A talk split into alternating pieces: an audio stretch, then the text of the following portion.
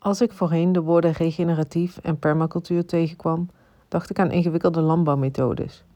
Maar nu ik een week op regeneratieve boerderij Schevenkoven van Maarten en Eliette van Dam heb doorgebracht, weet ik dat het slechts ingewikkeld klinkende termen zijn voor een manier van voedsel verbouwen die juist teruggaat naar de basis. Je laat de natuur voor een groot deel het werk doen en dat maakt het tot een allesbehalve standaard manier van boeren. En allesbehalve standaard zijn de boeren in kwestie zelf ook. Ik arriveer op Schevenkoven in Leersum terwijl het groeiseizoen op haar einde loopt. Bij mijn eerste rondje over het landgoed zie ik verschillende velden met rechte stroken teelt. In deze stroken worden lage bessenstruiken gecombineerd met hoge appel- en amandelbomen. Wild ogende druivenplanten wisselen stuivertje met laurier en lavendel.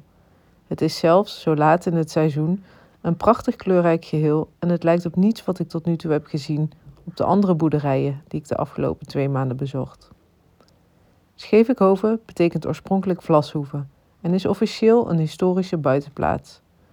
Het boerenbedrijf heeft een lange historie en wordt voor het eerst in 1354 in de lokale geschiedenisboeken genoemd. In 2015 besluiten Maarten en Eliette van Dam de boerderij, die op dat moment vrijkomt, te kopen, omdat ze graag buiten willen wonen. Ze hebben dan nog geen concrete plannen voor het opzetten van een boerderij. Maar op het moment dat ze aan de slag gaan met de 2 hectare landbouwgrond die bij de boerderij ligt, begint het te kriebelen en besluiten ze om boer te worden. Bij het maken van de plannen voor boerderij Schevenkoven staat het voor Maarten en Eliette meteen vast dat ze regeneratief gaan boeren.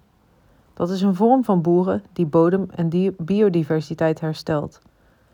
Het tweetal gaat op zoek naar mensen die er al meer van weten. Ze verdiepen zich in de omgeving en de bodemgesteldheid, om zo de best passende landbouwgrond voor het gebied te bepalen. Schevenkoven ligt aan de bosrand en Maarten en Eliette besluiten om principes van agroforestry en voedselbossen toe te passen en natuur inclusief te gaan boeren.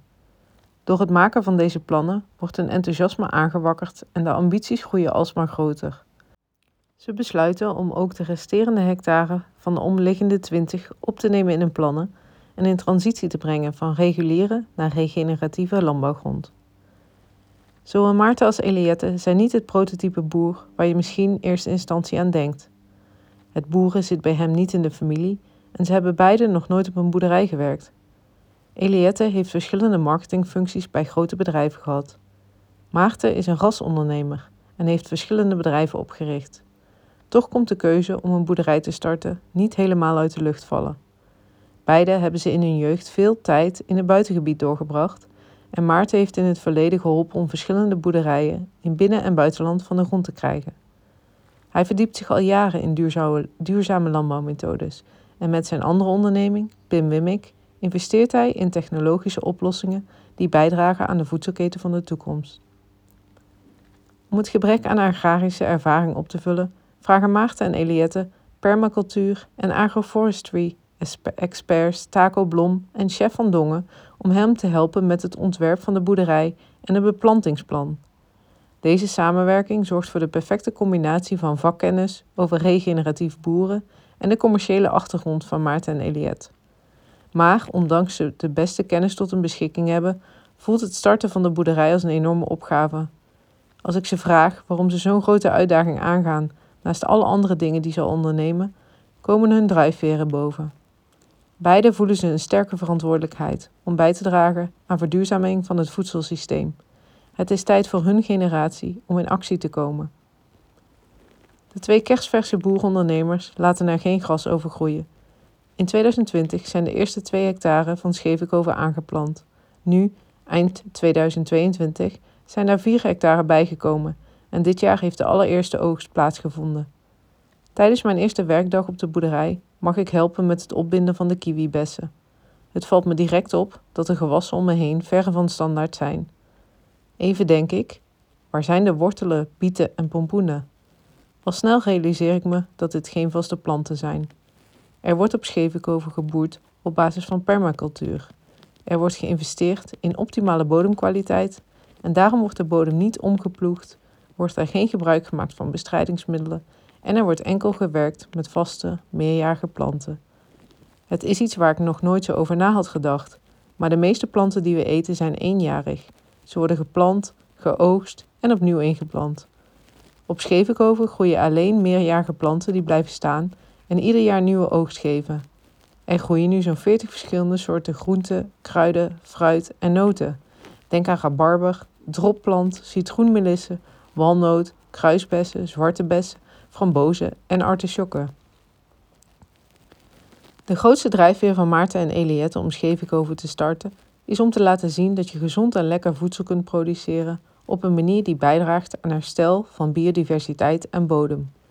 En misschien nog wel het allerbelangrijkste, dit doen op een manier die financieel uit kan. Want dat is volgens hen noodzakelijk als je andere boeren mee wilt krijgen in deze nieuwe vorm van landbouw.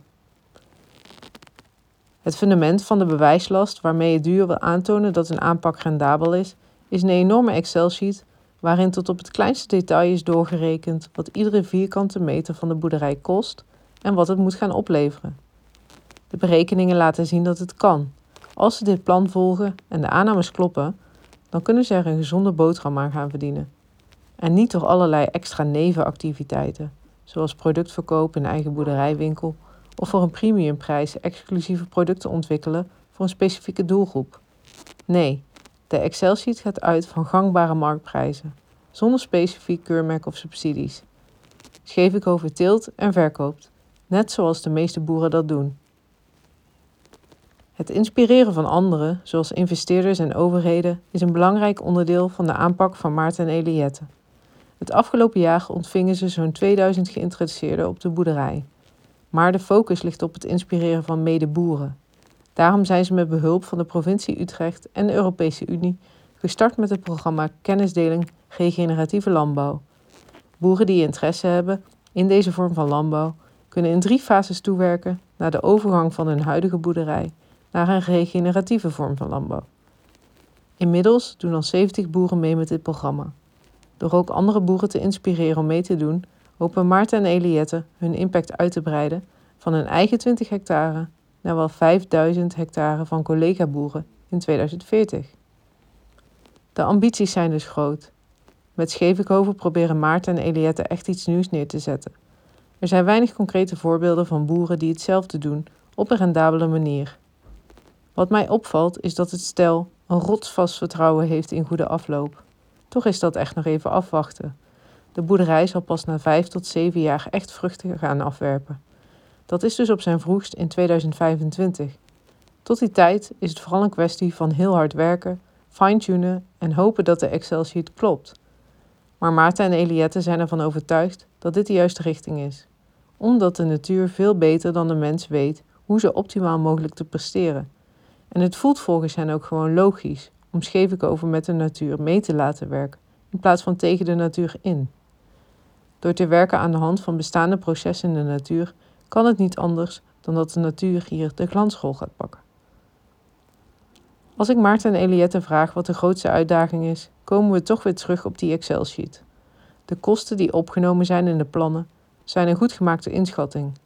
Maar wat als die toch niet blijken te kloppen? Deze manier van boeren is arbeidsintensief en dus kostbaar. Naast zijzelf zijn er twee boeren, Ruben en Meerte. Fulltime in dienst. Het jonge stel doet vol passie het dagelijkse werk op de boerderij. Maar in de toekomst zal er een arbeidskracht per 2 hectare nodig zijn om al het werk gedaan te krijgen. Het boeren op Schevenkoven is echt een ontdekkingstocht. Ook de manier waarop de boerderij is gefinancierd is verre van standaard. Tweederde van de benodigde startfinanciering komt vanuit eigen middelen en een lening. De rest, maar liefst 1,2 miljoen euro, is opgehaald tijdens twee crowdfunding-campagnes. Dat is een bijzondere prestatie en dit succes is vooral te danken aan de sterke ondernemersgeest van het stel. Als ze iets voor ogen hebben, dan gaan ze er helemaal voor. Meerdere malen geven Maarten en Eliette aan dat ze simpelweg geen nee accepteren. Komen er uitdagingen op hun pad? Dan is er altijd wel een oplossing te vinden. Ik ben onder de indruk van de positieve levenshouding van Maarten en Eliette en de sterke overtuiging dat een ambitieuze plan slaagt. Deze mentaliteit is aanstekelijk en zorgt ervoor dat mensen mee willen doen en vertrouwen hebben in hun plannen. Maarten en Eliette investeren in een andere manier van boeren om bij te dragen aan de voedselketen van de toekomst, met een rotsvast vertrouwen in de natuur als gids, die voor hen een groot deel van het werk doet. Wil je andere inspirerende verhalen over peacemakers horen? Ga naar peaceofme.com en join the groupies.